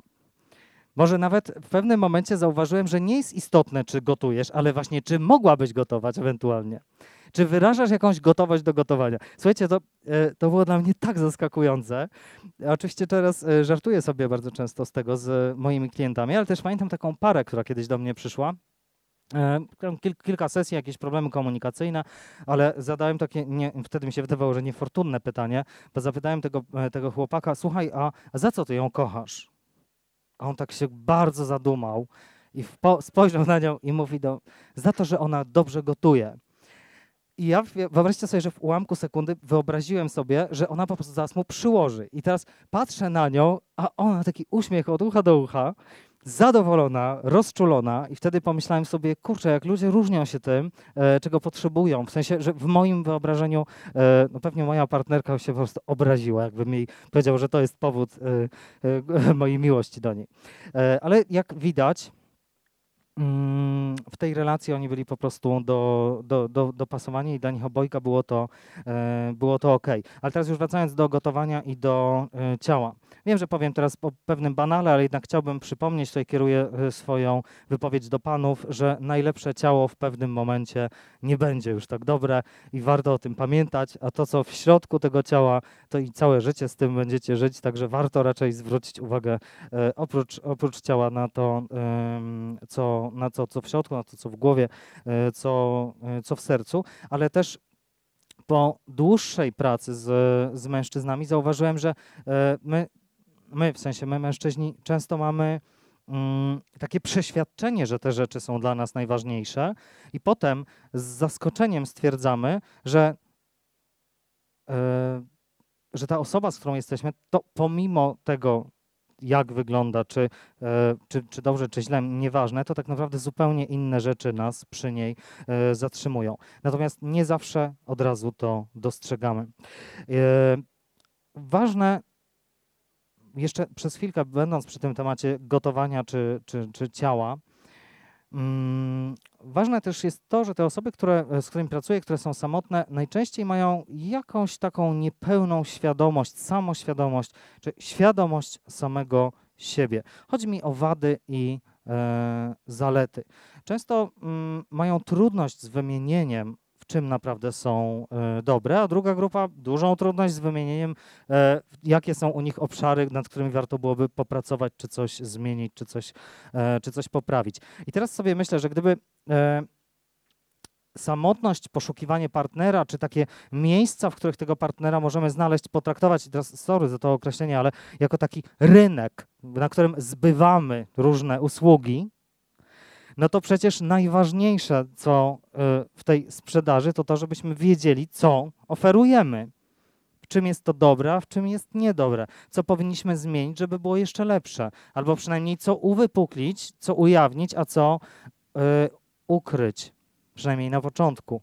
E, I do tego właśnie bardzo mocno Was zachęcam. Do większej samoświadomości, do spoglądania na siebie. A jeżeli nie macie tego dystansu, czy nie potraficie powiedzieć, że właściwie nie wiecie, dlaczego jesteście sami, bo przecież wszystko wydaje się ok, to bardzo gorąco Was zachęcam do tego, abyście prosili o informację zwrotną, abyście prosili o y, ten, w szkoleniach nazywamy to feedbackiem, o tą informację swoich przyjaciół, swoich znajomych, no może niekoniecznie swoich byłych partnerów, którzy jeszcze są na Was wściekli, bo pewnie tam nieźle Wam, e, że tak powiem, do, do, dojadą, ale abyście pytali ludzi o to, jak sądzicie, co może być powodem tego, że i tutaj, nie wiem, przykład, że mm, po trzeciej randce nie ma czwartej, tak? Chociaż wam się wydaje, że było ok. Że e, świetnie sobie radzicie w sytuacjach, nie wiem, przyjacielskich, towarzyskich, a słabo w mm, partnerskich i tak dalej, i tak dalej. Ludzie mają różne, e, różne sygnały, które pokazują, że mimo, że są generalnie fajni, to coś tam nie działa. Pytajcie o ten feedback, proście o niego, i też, jeżeli ktoś Was o to prosi, to odważcie się, aby go dać. To bardzo istotne. Chciałbym Wam opowiedzieć o mojej koleżance, oczywiście innej Ewie, która pomimo bycia no właściwie całkiem fajną dziewczyną, atrakcyjną, mądrą, fajną dziewczyną, całkiem samodzielną, mm, po rozstaniu, po długoletnim związku i po właśnie takim intensywnym rozwijaniu samej, e, samej siebie długo nie mogła znaleźć e, partnera. I za każdym razem na spotkaniu towarzyskim, czy ze mną, czy z całą naszą grupą znajomych, czy kiedy dzwoniła do mnie i ja pytałem o pogodę, ona mi mówiła, że znowu jest sama. E, zapytała mnie, właściwie nie zapytała mnie, tylko jechaliśmy autem, a ona mówi, wiesz co, no ja już nie wiem, przecież to mam, to mam, to mam, to mam, wszystko jest ok, jestem cały czas sama. Dlaczego? Ja mówię, słuchaj, chcesz wiedzieć? Ja ci powiem, ale to nie będzie przyjemne. Na pewno tak. No i powiedziałem jej, przestań w końcu gadać o sobie. To jest nie do wytrzymania. Jesteś w stu procentach skupiona na sobie. Posłuchaj innych ludzi. Zapytaj się, co u nich słychać po prostu przestań koncentrować się na sobie, przestań koncentrować się na swojej samotności i na swoich intensywnych poszukiwaniach partnera. No i oczywiście, jak się pewnie domyślacie, moja koleżanka się na mnie obraziła. Dobrze, że mnie nie wysadziła z samochodu. No ale parę miesięcy e, tak nie dzwoniła do mnie. Dość daleko mieszkamy, więc nie zawsze mamy okazję się spotkać. Ale co się wydarzyło? Bo zadzwoniła do mnie po kilku miesiącach no i tam oczywiście już tutaj w dużym skrócie powiem wam, że co, co, co się wydarzyło. Wzięła sobie do serca, przeanalizowała, trochę, mm, trochę zluzowała. E, a potem e, nie, nie, nie poznała faceta. Potem zwróciła uwagę na faceta, który był obok niej cały czas i który był bardzo nią zainteresowany, ale w jej wyobrażeniu nie był wystarczająco dobry. Dlatego, że jej poprzeczka wobec tego, jaki facet powinien być, była bardzo wysoka. Jednocześnie ona ciągle próbowała do niej doskoczyć, bo zdawała sobie sprawę z tego, że takiego super faceta musi mieć taka super dziewczyna. Więc bardzo często na randkach udawała kogoś, kim tak naprawdę nie jest. I w pewnym momencie uświadomiła sobie, że ten facet, o którym, e, o którym myślę i z którym teraz jest, to jest jedyny mężczyzna w jej otoczeniu, przy którym ona zachowuje się naturalnie, swobodnie, przy którym jest sobą i przy którym tak naturalnie i szczerze się śmieje. I po prostu dała mu e, szansę. Są, są ze sobą w, w udanym e, związku, ale e, też chciałem wam powiedzieć, że kiedy myślę właśnie o nich i o nim i o tym, jak ona wiele razy o nim opowiadała, ja kiedyś nawet tak delikatnie zasugerowałem, że może być coś tam, no ale e, było oburzenie wielkie w odpowiedzi, e, to przypomina mi się taka, e, taki cytat z, z Kubusia Puchatka, który akurat nie dotyczy e, miłości, ale dotyczy domu. Natomiast gdybyśmy wyobrazili sobie dom jako miejsce, w którym czujemy się swobodnie i bezpiecznie, w którym jesteśmy sobą, mm, to właśnie Kubuś Puchatek powiedział, że dom to jest takie miejsce, w którym nie trzeba wciągać brzuszka. I może trochę tak jest właśnie z miłością, że to jest takie miejsce przy, e, przy człowieku, przy którym nie trzeba e, wciągać e, brzuszka. I też takich ludzi wokół siebie szukajcie. Chciałbym jeszcze kilka słów powiedzieć o samotności w związkach. Bardzo szybko tutaj przebiegnę się po, po tym temacie. Samotność w związkach coś, co coraz częściej nas otacza. E, pewnie widzicie swoich e, znajomych, przyjaciół, którzy będąc razem tak naprawdę e, spędzają czas z nosem w swoim telefonie czy w swoim tablecie, grając w coś. I tutaj mówię też o ludziach dorosłych, bo tak jak mówiłem wcześniej, ludzie bardzo młodzi, pokolenie Z, są po prostu przyzwyczajeni do bycia online i offline jednocześnie i to nie jest oznakiem tego, że w relacji jest coś nie tak. I nie mówię też o tym, kiedy jesteście ze sobą przez pół dnia, nagadacie się, jest fajnie, kochaliście się, jest super miło, a potem macie ochotę zobaczyć, co tam u waszych znajomych na Facebooku. Nie mówię o tej sytuacji, że przeglądanie tego e, telefonu w obecności kogoś bliskiego jest e, wyrazem samotności. Chodzi mi o to, że tylko w ten sposób spędzacie ze sobą czas. Zwróćcie na to uwagę i też pilnujcie się, żeby tego nie robić, bo nie jest to łatwe. I łatwo nam się sięga po te telefony, i łatwo nam się sięga po bycie online. No, kiedy już ci nasi bliscy nie są tak interesujący jak na samym początku. Drugi e, element seksu, e, seksu. Dobrze, dobrze, zaraz będzie o seksie. Że, no, tak, tak, już widzę, już się rozbawiliście. Drugi element samotności e, w związku to seks na zgodę, bez rozmowy o tym, o czym się o co się pokłóciliśmy. No i teraz nie chcę, żebyście myśleli, że psycholog was zachęca do rozmów o sprawach trudnych, zamiast do kochania się z osobami bliskimi. Natomiast zachęcam was do tego, że jeżeli macie w związku taki styl, że uprawiacie seks na zgodę po kłótni, to oczywiście nie od razu po seksie, ale za jakiś czas, jeżeli kłótnia dotyczyła sprawy ważnej, a nie błahaj, wróćcie do tematu. Nie załatwiajcie sporów tylko seksem, bo to w pewnym momencie jest zamiecenie pod dywan i no później przychodzą klienci z takim tematem, że żona mnie zostawiła, a przez 20 lat nie mówiła, że coś jest nie tak. To znaczy coś tam mówiła, ale zawsze się potem kochaliśmy i było ok. To jest cytat z mojego klienta Adama. Kolejna rzecz, to szczególnie do młodych e, par. Młodych par, które mieszkają już razem, które pracują, też dla takich, które mają dzieci. E, Być może sprawa znowu banalna, ale jakże ważna. Jak strasznie mi przykro patrzeć na takie relacje, które gasną teraz na moich oczach. Mam na myśli relacje małżeństwa, ale nie tylko, związki partnerskie, które są obecnie nastawione zadaniowo.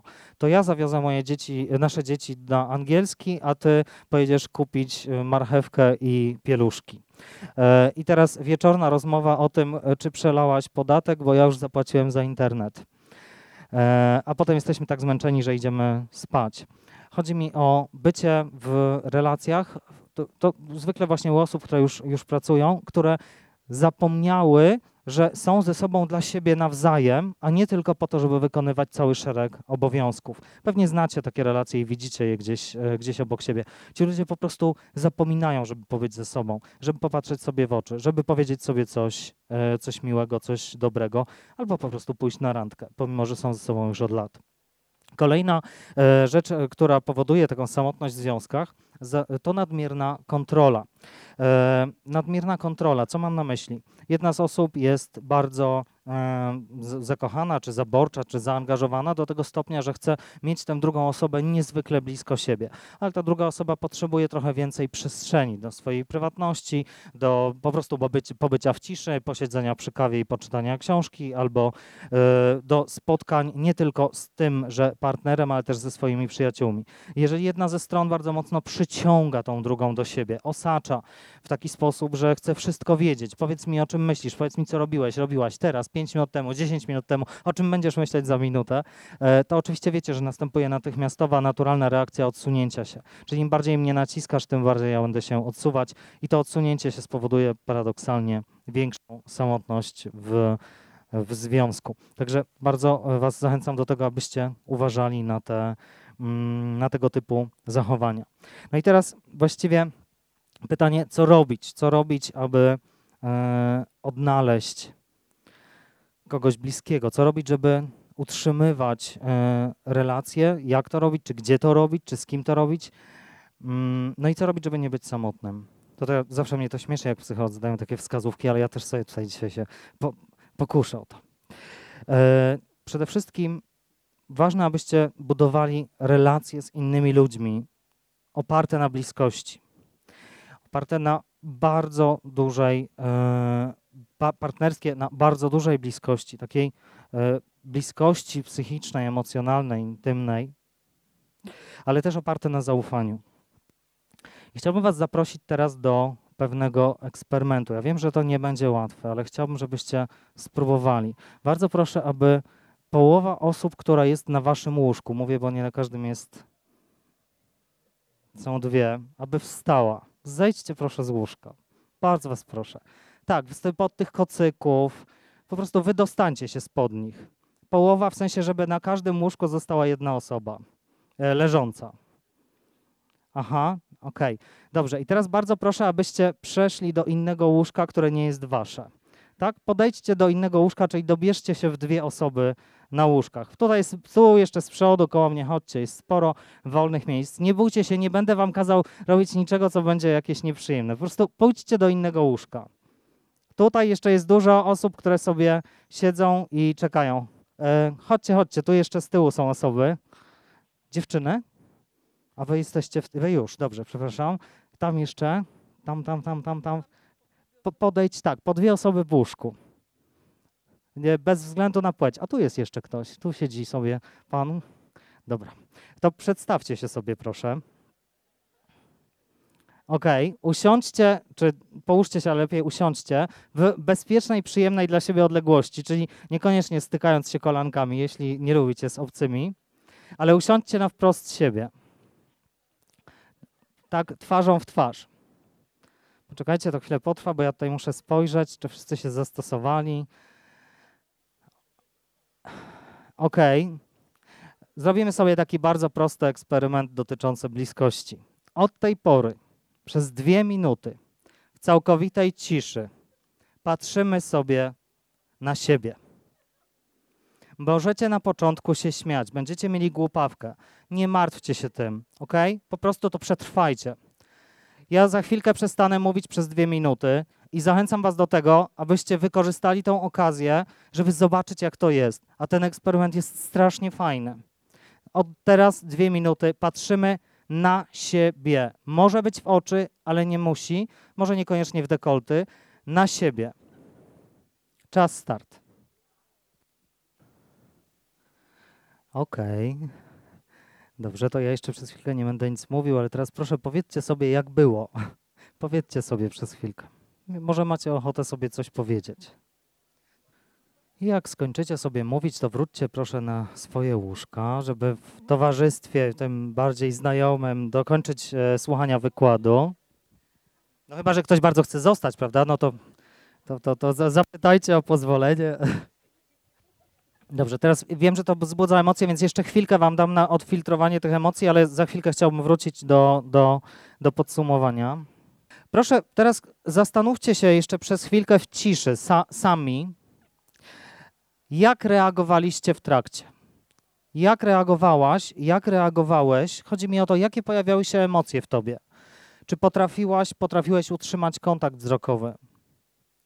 Czy na przykład reagowałaś, reagowałeś ucieczką, ucieczką od kontaktu wzrokowego, odsunięciem, odchyleniem ciała, ucieczką w myśli o jakichś zupełnie innych rzeczach niż ta sytuacja, która właśnie ma miejsce? Czy właśnie przeciwnie, byłaś, byłeś zaciekawiony drugą osobą? Przyglądałaś, przyglądałeś się jej. Może, czy pojawiło się takie myślenie w tobie, ciekawe, co ta osoba o mnie myśli, albo ciekawe, jak wyglądam, czy wręcz przeciwnie, co ta osoba myśli teraz sobie, nie wiem, jak się czuje, tak? Jak w ogóle reagowałaś i reagowałeś na tę bliskość drugiego człowieka? To taki oczywiście krótki eksperyment, którego nie będę bardziej podsumowywał, jedynie chodziło mi o to, abyście odpowiedzieli sobie na te pytania i też zastanowili się, jak się czujecie, czy pojawia się w was jakieś napięcie, kiedy wchodzicie w bliskość z nowym, obcym człowiekiem. Czy to jest napięcie przyjemne, czy to jest e, nieprzyjemne, dyskomfortowe. E, no i wróćcie jeszcze do tego myślami, ale teraz już przejdźmy sobie szybciutko dalej. Słuchajcie, kilka takich złotych rad, jak sobie jeszcze e, radzić z samotnością, czy jak jej unikać, czy jak zapobiegać temu byciu samotnym w ten negatywny, niechciany sposób. Pamiętaj o tym, żeby ludzi słuchać, jak do ciebie mówią, a nie tylko zastanawiać się, co zaraz im odpowiesz. Taka prosta rzecz w związku, a ile by się związków nie rozpadło, gdyby ludzie się stosowali do tego. Pamiętaj o tym, żeby zwiększać swoją samoświadomość na temat swoich mocnych, na temat swoich słabych stron, na temat tego, co można poprawić. Rozwijaj się, dbaj o swój rozwój osobisty i proś swoich przyjaciół, swoich znajomych o to, żeby dawali ci informację zwrotną o tym, czego, co możesz poprawić. Ale też dawaj innym, oczywiście, jeżeli tego chcą, tak? Nic na siłę. Kolejna rzecz, nazwę sobie to tak troszkę biznesowo, mianowicie net, networking. Chciałbym Wam powiedzieć o bardzo, krót, bardzo krótko o sytuacji, kiedy przyszło do mnie ponad 100 osób. Mieliśmy taki, taki wykład, takie spotkanie dotyczące samotności. W większości były to osoby samotne, które przyszły się trochę czegoś dowiedzieć, a kogoś poznać i tak dalej. No i ten wykład składał się z dwóch części. Byli to ludzie w podobnym wieku, nawet było bardzo dużo mężczyzn, także płciowo po prostu idealnie, niemalże jak fast dating można było zrobić. E, I była przerwa, bo moje gardło musiało trochę odpocząć. Słuchajcie, ja patrzę, co oni robią w przerwie, no i wyobraźcie sobie, wszyscy nos w telefon. Myślę sobie, no nie, człowieku, jak masz tu kogoś poznać? Ogarnij się. Zakaz używania telefonów w przerwach. Trzeba ze sobą rozmawiać. Szczególnie jeżeli się idzie na takie spotkania i na takie wydarzenia. E, jeżeli palisz papierosy, to chodź z palaczami i rozmawiaj z nimi na przerwie różnych szkoleń czy wydarzeń. Nie uciekaj do toalety, nie uciekaj, nie rozmawiaj przez telefon, kiedy jesteś na konferencji, tylko stawaj przy bufecie kawowym i rozmawiaj z ludźmi. Takie proste rzeczy. Po prostu zwiększaj prawdopodobieństwo poznania jakiegoś człowieka. Teraz trochę, trochę żartem, a trochę serio. Trzy razy będzie uwaga. Uwaga po pierwsze, uwaga na gejów w przypadku kobiet. Jeżeli masz przyjaciela geja, z którym chodzisz na wszystkie spotkania imprezy, zapomnij, że łatwo zostaniesz e, e, namierzona przez innego mężczyznę, który byłby tobą zainteresowany. E, bardzo często właśnie z taką sytuacją się spotykam, że dwie samotne osoby różnej płci spotykają się gdzieś razem, chodzą, no ale to obniża też e, prawdopodobieństwo poznania kogoś innego, no bo wyglądacie z daleka, jakbyście byli e, parą. Drugie, też do kobiet. wy i wasze psiapsiuły, z- liczne grono psiapsił, z którymi chodzicie na różne imprezy i się nimi otaczacie. Standard, oczywiście teraz się śmiejecie, ale też wyobraźcie sobie, jak trudno mężczyźnie jest podejść do, takiego, do takiej loży szyderców. Same kobiety siedzą, e, komentują, uśmiechają się. No i jak się przebić przez ten mur? Postarajcie się też, e, na ile to możliwe, oczywiście pojawiać w bardziej mieszanych e, płciowo gronach, ale też także, jeżeli chodzicie już z tymi psiapsiłami, to odczepiajcie się czasami od tej, od tej łodzi i, i, i wędrujcie gdzieś same, żeby było można was w ogóle zaczepić. No i teraz już bardziej żartobliwie, ale to oparte na faktach, chciałbym powiedzieć o spa i o wyjeździe do spa. Moja klientka Ewa mówi mi tak, słuchaj, już od tylu lat w ferie zimowe jeżdżę na spa, dwa tygodnie tam siedzę i wyobrażasz sobie, że nigdy nikogo nie poznałam? Oczywiście, że sobie wyobrażam. Kto jeździ w ferie na spa? Albo rodziny z dziećmi, no chyba, że szukałaby jakiegoś szybkiego romansu z żonatym, albo przyjaciółki najczęściej w parach albo trójkątach, wobec czego nie znam, może wy znacie, jakichś samotnych mężczyzn, którzy jeżdżą na spa, szczególnie w ferie zimowe, ale jeżeli jesteście takimi samotnymi mężczyznami, to może to jest jakiś sposób, tak, na spotkanie e, różnych e, kobiet, które się tam pojawiają. E, to spa to oczywiście bardziej żartobliwie, ale chcę wam, chociaż sytuacja jak najbardziej prawdziwa, chcę wam uświadomić to, że mm, my też musimy pamiętać o tym, że jeżeli chcemy poznać jakichś ludzi, to, to po prostu musimy ich szukać w miejscach, gdzie jest prawdopodobne, że oni się znajdują. No i też taka zasada, tak sobie ją roboczo nazwałem, zasada 5S. Spotkania, społeczności, sport, szkolenia i stowarzyszenia. To znaczy, są różnego rodzaju miejsca, w których można poznać innych ludzi. Niekoniecznie jest to Tinder, niekoniecznie jest to sympatia, chociaż jak najbardziej warto używać też tych narzędzi, żeby zwiększyć prawdopodobieństwo. To może być klub fitness, chociaż niekoniecznie klub fitness dla pań, chyba że pani szuka pani. E, na, to będzie w kategorii sport. Natomiast spotkania, różnego rodzaju miejsca, które, w których są imprezy, gdzie są szybkie randki, ale też na przykład na Śląsku, na którym mieszkam, e, w centrach handlowych pojawiają się takie grupy, e, takie oddolne inicjatywy ludzi, którzy na przykład chcą nauczyć się lepiej mówić po angielsku i po prostu sobie spotykają się w takim miejscu coworkingowym i tam siedzą i sobie e, rozmawiają w, po, po angielsku czy w jakimś innym, innym języku. Takie spotkania typu grup Toastmasters, które, mm, gdzie też spotykają się ludzie, ludzie dorośli, ale całkiem też młodzi dorośli, którzy uczą się od siebie nawzajem, w jaki sposób na przykład przełamać lęk w wystąpieniach publicznych. I oni tam, wiecie, składają się po dychę czy dwie dychy na e, herbatę, kole czy paluszki i potem e, cyk, cyklicznie po prostu w takich całkiem dużych, kilkudziesięcioosobowych grupach e, spotykają się, rozmawiają, uczą od siebie e, nawzajem. Różnego rodzaju społeczności, społeczności wegan na przykład, które bardzo dużo e, organizują różnych kuchni wegańskich, zlotów, spotkań, koncertów, bla, bla, bla. Różne gry takie terenowe, czy gry miejskie, czy gry typu LARP, w których też można poznać dużo ludzi. Jeżeli nie wiecie, to sobie zapiszcie LARP i sprawdźcie w internecie. Tutaj może trochę już, no zresztą nie wiem, to chyba tacy ludzie bardziej w moim wieku. E, koleżanka moja na przykład na e, spotkaniu rycerzy pod Grunwaldem, takiej inscenizacji takiego rycerza poznała i z nim e, jest bardzo szczęśliwa. Ale chodzi mi o to, aby spotykać się ze społecznościami, które są skupione wokół jakiegoś zagadnienia, jakiejś tematyki, jakiegoś hobby. E, Taką fajną społecznością są też psiarze na różnych wyścigach, wystawach, szkoleniach, szkółkach albo po prostu w parku na spacerze. E, grupy, które uwielbiają grać w planszówki, spotykają się w różnych miejscach w mieście i w przestrzeni pozamiejskiej. Oczywiście w zależności od tego, co Was interesuje. Chcę Wam tylko powiedzieć, że jest dużo, dużo, bardzo dużo różnych możliwości. Trzecie S to sport. No tutaj nie muszę pewnie zbyt wiele mówić, ale e, od wszelkich klubów, siłowni i innych miejsc, chociaż może nie wiem, czy basen jest takim dobrym miejscem, bo w sumie trudno pogadać, jak się pływa.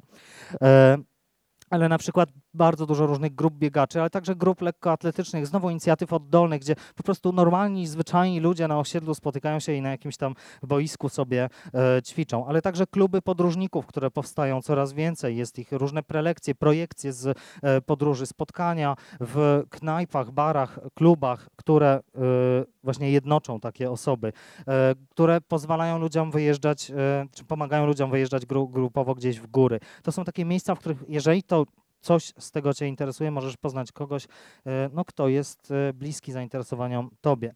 Trzecie, czwarte S to szkolenia, konferencje, eventy, warsztaty, różnego rodzaju e, festiwale, ale jeżeli bierzesz w nich udział i nie udaje ci się kogoś poznać albo boisz się tego kogoś zaczepić, to weź udział w wydarzeniu na Facebooku, napisz coś na tablicy tego wydarzenia. Zawsze to e, sugeruję moim studentom albo klientom i okazuje się, że to działa, bo wtedy łatwiej jest do kogoś zagadać, jeżeli już się wcześniej z nim porozmawiało online, e, albo łatwiej jest kogoś zagadać po spotkaniu, Wiecie o co mi chodzi, jakby, mm, ale już w tej bezpieczniejszej przestrzeni.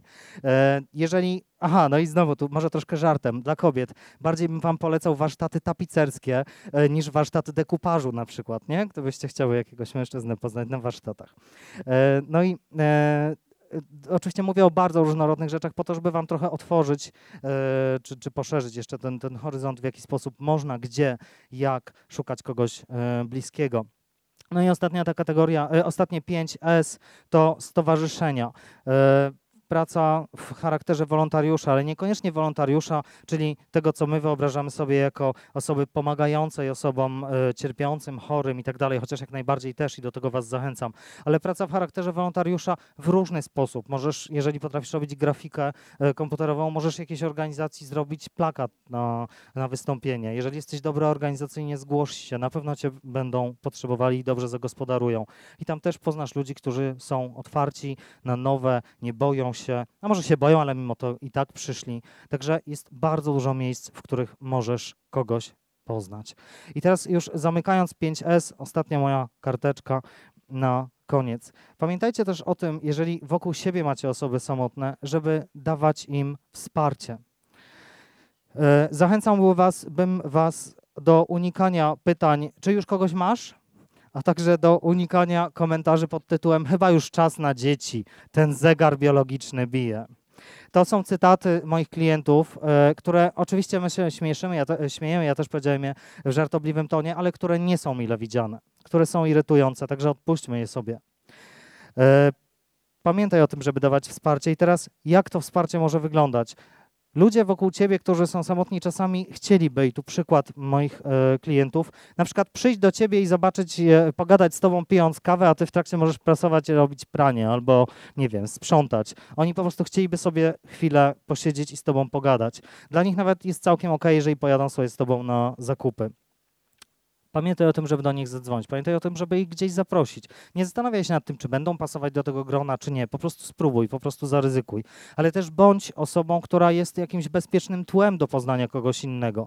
Nie mam na myśli tego, że masz zamienić się w swata albo w swatkę.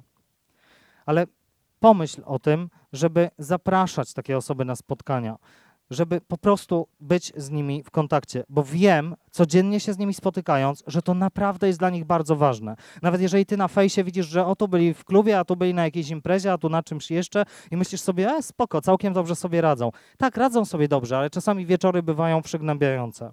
I każdego dnia codziennie z nimi rozmawiam e, w swojej pracy i zaufajcie mi, są w różnym wieku i wiem o tym, że potrzebują tego, żebyście o nich pamiętali, że nie chcą być cały czas tymi osobami, które jako pierwsze e, do was dzwonią i pytają, co słychać. Nie chcą być tymi osobami, które jako pierwsze wynajdą znowu kolejny festiwal albo imprezę plenerową, na którą was zaproszą. Chcą, żebyście to wy też o nich pamiętali i ich zaprosili. Także pamiętajcie proszę o tym, ale też jeszcze raz do osób e, samotnych. Pamiętajcie o tym, że macie wybór. Bez względu na to, jacy jesteście, ile macie lat, ile ważycie, jakie macie wykształcenie, zawsze macie wybór, czy będziecie swoim nastawieniem, swoją postawą wspierać swoją samotność albo godzić się z nią, czy wręcz przeciwnie, będziecie wspierać swój rozwój, ale też swoje życie w poszukiwaniu kogoś bliskiego albo po prostu w taką możliwości, w daniu się odnaleźć. Mam nadzieję, że to dzisiejsze e, spotkanie ze mną pozostawi w Waszych głowach taką pamięć o tym, że warto być z ludźmi, warto być blisko ludzi, nawet jeśli nas męczą. Warto czasami po prostu się z nimi pośmiać albo spojrzeć, popatrzeć im blisko w oczy, trochę ich posłuchać, nie zastanawiając się nad tym, co im za chwilę odpowiemy. Po prostu z nimi pobyć. Bardzo Wam e, szczerze tego życzę, abyście jak najwięcej bliskości mieli z innymi, z jak największą liczbą osób, bo im większa sieć wsparcia, tym większe poczucie szczęścia, większe poczucie wysokiej jakości życia, a dzięki temu dłużej i lepiej się żyje i zdrowiej. Bardzo Wam dziękuję za to, że dzisiaj tutaj przybyliście. Jeszcze dobrego, udanego wieczoru. Cześć. Dziękuję.